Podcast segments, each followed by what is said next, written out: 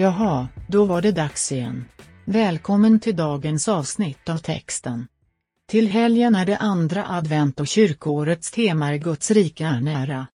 Johan och Elin talar främst om den gammaltestamentliga texten från Jeremia 33. Eh, Elin, eh, det är eh, ny vecka, ny, eh, ny texten. Mm, precis. Vi har passerat första advent. Eh, hur eh, upplevde du första advent? kan du inte fråga. Jag kan inte sitta och ljuga.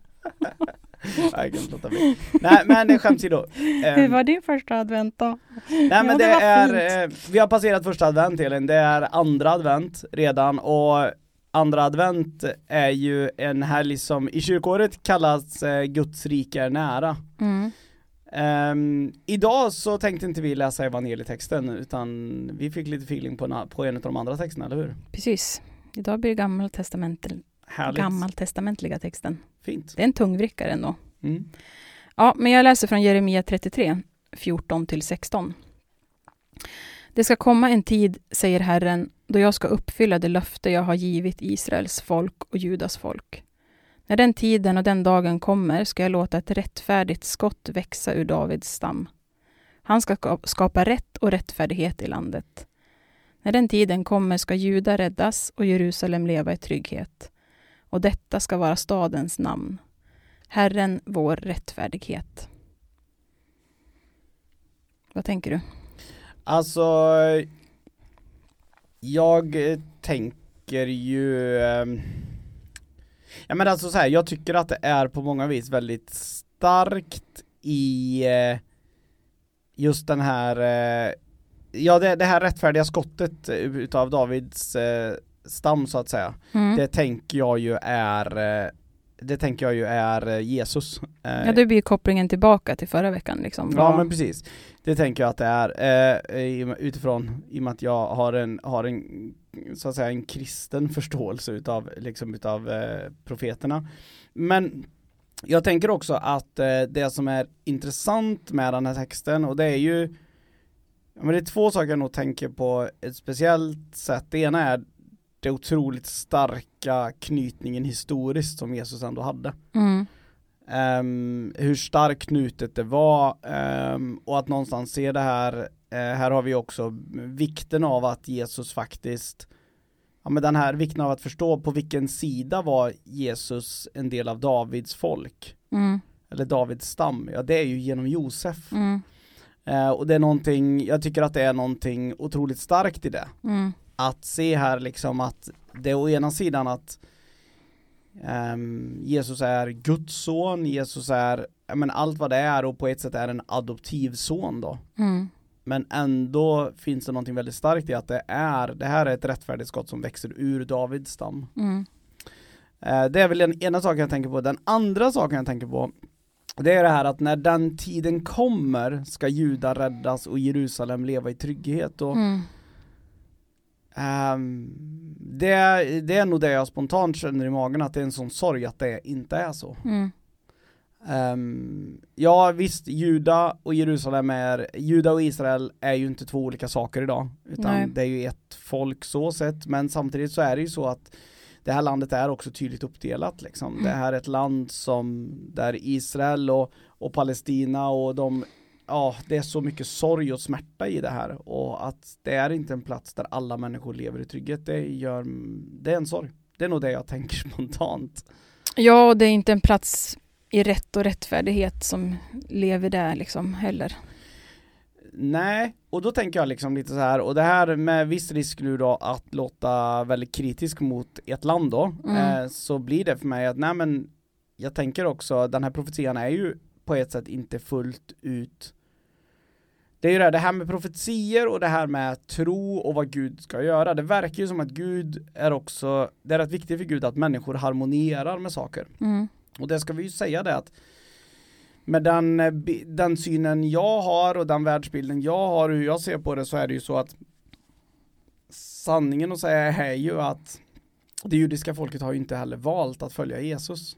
Med den saken sagt, jag tror judarna har en särskild plats och så vidare. Jag tror inte de är fördömda eller någonting sånt, sådana dumheter. Men att, men att ändå se Mm. Gud hade ju en plan genom Kristus. eh, en plan som ehm, som där den stora massan utav det israeliska folket följer ju inte den. Men Ska vi reda ut begreppet profetia först, Ja, utifall det är någon som inte har koll på det? Ja. Kan du... Men profetia är ju, profetens gåva eh, var ju i gamla testamentet så var det enskilda människor som utsågs att vara, och profet betyder väl kind of Guds språkrör Mm. egentligen. Så det är ju människor som får bilder utav Gud för att kunna tala det. Mm. Ehm, I Nya Testamentet så är det ju inte begränsat till, eh, till några få personer utan det här profetens gåva, jag känner ju flera stycken som har profetens gåva genom helig ande. Mm. Men det är ju då, det här är ju då Jeremia, det är ju en av de stora profeterna. Eh, så att det här är ju en text där han upplever att det här är det som Gud säger rakt, alltså genom honom. Mm. Att Gud använder honom som röst. Precis. Mm. Vad tänker du Elin? Eh, på ett sätt så tänker jag att det blir mer... Jag får liksom mer frågor än svar. Mm? Eh, och kanske, ja men kanske också frågor liksom så här äh, kyrkohistoriskt. Alltså hur... Kom, var det en tid när det faktiskt var att Juda var räddad och Jerusalem i trygghet? Eh, har, det, har det funnits liksom en period när staden har hetat Herren vår rättfärdighet? Eller alltså att, att man har liksom använt det här begreppet. Eh, så jag får lite sådana frågor som jag på något vis skulle vilja bena i, men Alltså, om jag skulle ha predikat så skulle jag verkligen ha liksom försökt tagit reda på de här sakerna. Mm. Eh, Du skulle liksom Mm. dykt in i, i de frågorna liksom. ja, men det är nej, men i alla fall det jag funderar på nu. Liksom, så här, men vad bety, bety, betyder det att profetian fortfarande väntar på att uppfyllas? Eller uppfylls, uppfylldes det fast den sen har det gått åt skogen efteråt? Liksom? Det är intressant ja. Mm. Eh, det, är inte, det är inte en lång text. Eh, och det är ju det är ju liksom starka löften i det, eller starka Mm. ord. Jag tänker också att eh, vi pratade ju, eller jag tog upp i förra avsnittet eh, där vi pratade om, ja men typ vilken, vilken take skulle man tagit på det här om man skulle predika det. Mm. Eh, att jag nog skulle vilja ge mig in i och att jag nog tänker att jag ska göra, eh, liksom att jag sa att jag tänker nog att jag skulle göra det på söndagen. Mm. Eh, om att tala om David och så vidare och skulle, om man inte göra det första advent skulle jag säga att man ska göra det nu. Mm. Alltså att någonstans se här att, eh, för det är en sak som jag tror är, jag är inte en sån här som som pastor rent generell teolog som säger att ja men alla måste ha koll på hela den gamla testamentliga historien för att greppa allt och så vidare, judarnas, alltså sådär. Jag är inte så mycket lutad åt det, men däremot så inser jag att har man inte koll på just det här Davids historien på ett sätt, eh, det är en rätt viktig berättelse Mm. att se vad, vad, alltså att Jesus kom inte ur ingenting och skapa någonting nytt liksom. Jesus kom ur en extremt lång tradition. Mm. Ehm, och att någonstans i det här så tänker jag också Jeremia då som är ju en profet som kallades ibland för den gråtande profeten. Eh, alltså för att han, han kom med mycket sorg. Hans, men han grät också över sitt land. Mm. Och vi ska säga det att det är inget snack om saken att genom Jeremia så får verkligen Gud också fram så mycket utav med dels trösten men dels också den här man är så otroligt ledsam över hur situationen ser ut. Mm. Eh, och att där någonstans se att, menar att den här dagen ska komma, det ska skapas rätt och rättfärdighet. Jag tänker att det, det är ju också en spegling av den tiden de levde i. För det var en tid utan rätt och rättfärdighet. Det var en tid där det där Juda och Jerusalem var långt ifrån att räddas. Det var en tid långt ifrån när Jerusalem levde i trygghet. Mm. Ehm, lite spoiler alert kan man ju säga att det här var en tid man levde under rätt så hårt tryck från assyrierna. Mm. Eh, Det här är väl före den babylonska exilen om jag inte är helt ute och cyklar precis före egentligen. Jag minns inte. Nej men jag vill minnas att det är det och det, jag menar det är en tid som är stökig för, för judarna. Mm. Så att jag, jag tänker att det här är, det är också en, det är så mycket hopp som talas in genom den här texten. Mm. Verkligen. Ur den här så har ju också en av de kanske populäraste adventsalmerna kommit också. Ur, delvis ur den här texten. Mm. Om det nu är en adventssalm då, eller om det bara är en Är det det? julsång. Ja Eller? det kanske är. Ja, för nu, jag var inne och petade lite, letade lite i texten och då känns den ju väldigt julig, alltså midvinternatt och grejer sådär. Ja, men eh, vi kanske ska säga vilken eh, text det är vi tänker Eh, på. vi tänker på det, det är en ros utsprungen. Ja. Eh, och den var lite svår att hitta text på. Just för att det finns flera olika liksom. ja. Man hade ju rent i teorin kunnat, eh, rent i teorin så hade man ju kunnat gå till en psalmbok men Det eh, hade man kunnat. men men alltså- inte om man sitter nere i källaren. Nej inte om man googlar. Nej men alltså så här, eh, det är en rosutsprungen, den är ju egentligen, den klassas ju som en julsalm Mm. faktiskt. Ehm, Men, men det måste ju vara därifrån det kommer, liksom. Ja. att det är någonting som är sprunget. Det, det, på något ställe så står det ju, eller i kören jag sjöng den i när jag var tonåring så sjöng vi från Jesse, rot och stam. Eh, men nu när jag hittar texter så står det från Davids ja, rot och stam. ja. Eh, och jag vet inte riktigt vilken, vilken det står i psalmboken, om den ens finns med i psalmboken. Men det borde den Det finns den, absolut. Mm. Eh, men det är ju... Ja. Var Jesus en ros, tänker du? Eh, oj, Ehm, det vet jag inte. fråga. Det enda jag ehm,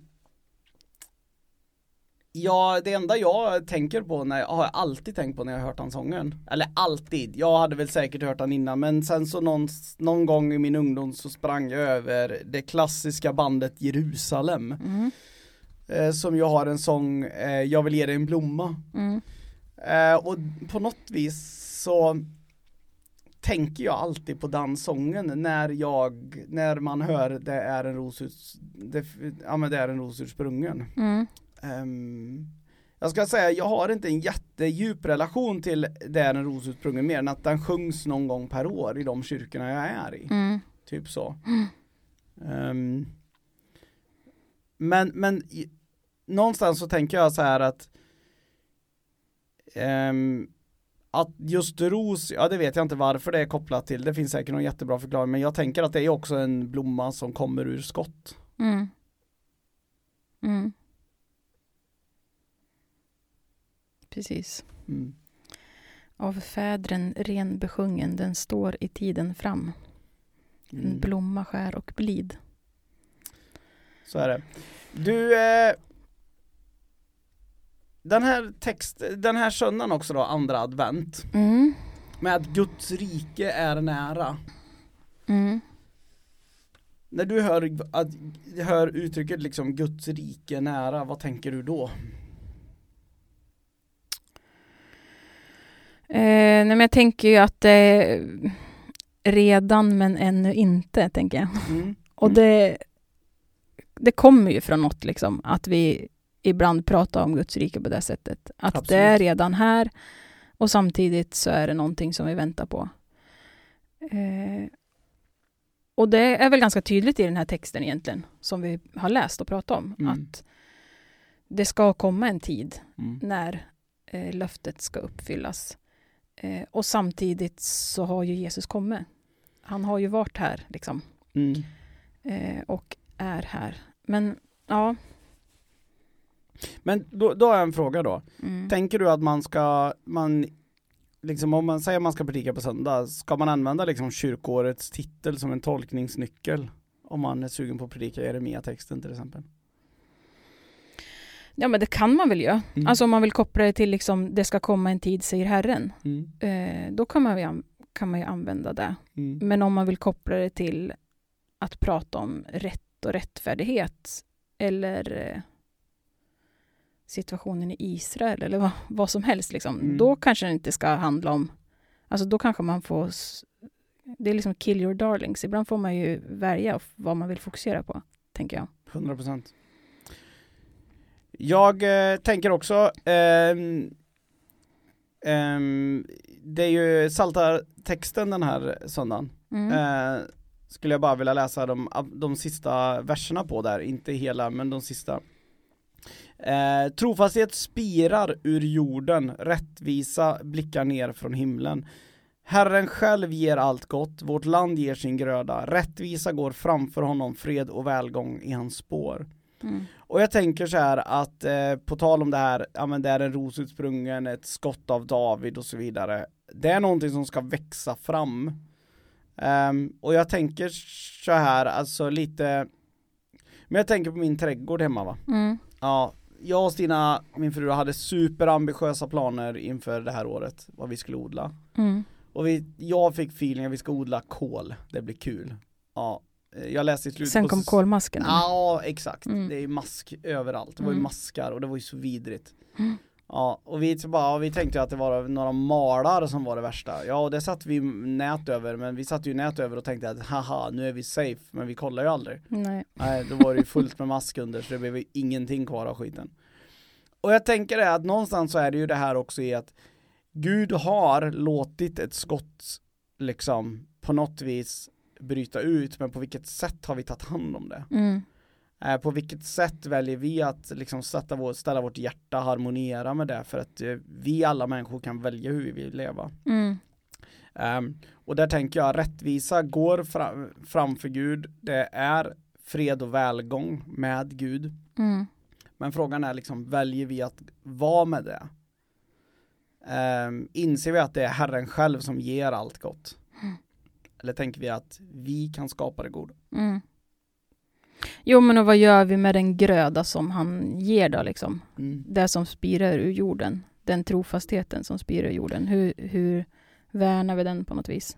Ja men precis, och där tänker jag med på tal då, om man knyter det till Guds rike. Mm. Eh, Guds rike är, det är en späd planta där. Förra veckan så nämnde jag millenniesalmen, du är ett litet barn som ligger på ett jordgolv, du Mm. fryser om vi inte hjälper dig. Mm. Att någonstans se, Gud är allsmäktig, Gud skulle kunna ta bort sig själv från det där jordgolvet omedelbart, men han valde att inte göra det. Eh, på samma sätt så är det så här, Gud skulle kunna tänka, skulle ju kunna bygga ett rike som byggde på 100% maktfullkomlighet där Gud bara styr över människorna som legogubbar. Mm. Men Gud skapade någonting annat. Mm.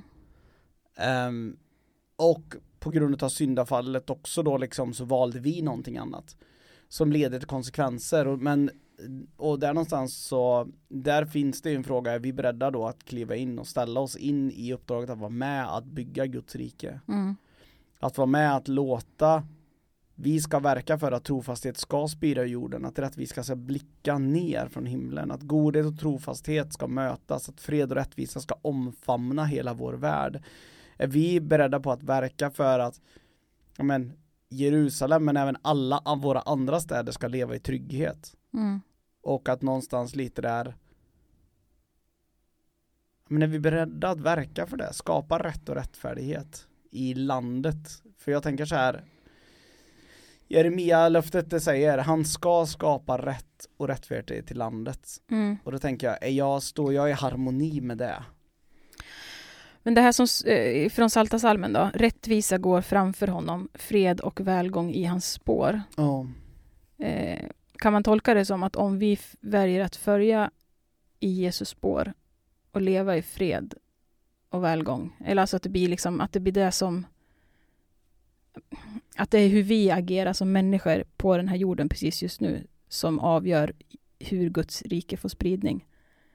100% Eh, tänker jag det. att rättvisan den är re- redan där, men om vi väljer att inte liksom följa spåren eh, så blir det inte rättvisa. Nej men alltså här, här skulle man kunna ta in det på en jättediskussion som vi inte ska göra men i grunden så skulle jag säga jag tror att en det här är ytterligare ett av de här orden som många kristna pacifister genom åren har använt. Mm. Ehm, att någonstans, jag vet att ehm, när jag pratade om det här första gången jag mötte den grejen att, ja, men att det var helt plötsligt, ja det var uppvuxen med att alla, alla män gjorde ju lumpen. Liksom. Och sen så mötte jag kristna som sa, nej men jag, vi har inte gjort lumpen. Även sådana som var äldre än min farsa liksom. Mm. Och en av dem refererade just det, jag visste inte vad det var ifrån faktiskt. Det var nu jag har tänkt på det. Han använde uttrycket, nej men alltså i bibeln står det att fred och välgång är i Guds spår. Mm. Jag kan inte ta vapen. Nej. Det är fred i de spåren. Och i de, jag försöker gå i de spåren. Jag försöker följa Herren. Det är fred där. Och där någonstans att se att, ja och det kan man tycka är hur naivt som helst, så ska man inte hjälpa Ukraina och ja, men vi ska inte ge oss in ens på den diskussionen. Nej, Men- det behöver ju inte handla om rent fysiska vapen. Det kan ju handla om hur vi, hur vi använder våran tunga också. Liksom. Exakt, 100%. Ja, Det här var, ja men vi hoppas att eh, det här har hjälpt eh, lite grann. Det känns som att vi inte riktigt blev lika konkreta som förra veckan, men vissa Nej. söndagar är ju verkligen så. ja precis. Där jag tror att, eh, om jag ska verkligen tala som pastor, så tänker jag att där Guds ande verkligen måste få verka med texten och en själv. Mm. Där man kan inte bara spotta idéer till, ta någon av de här fyra idéerna liksom. Men eh, Nej, utan det handlar ju på något vis om att låta, låta det som slår an igen få, få sätta tonen. Liksom. verkligen.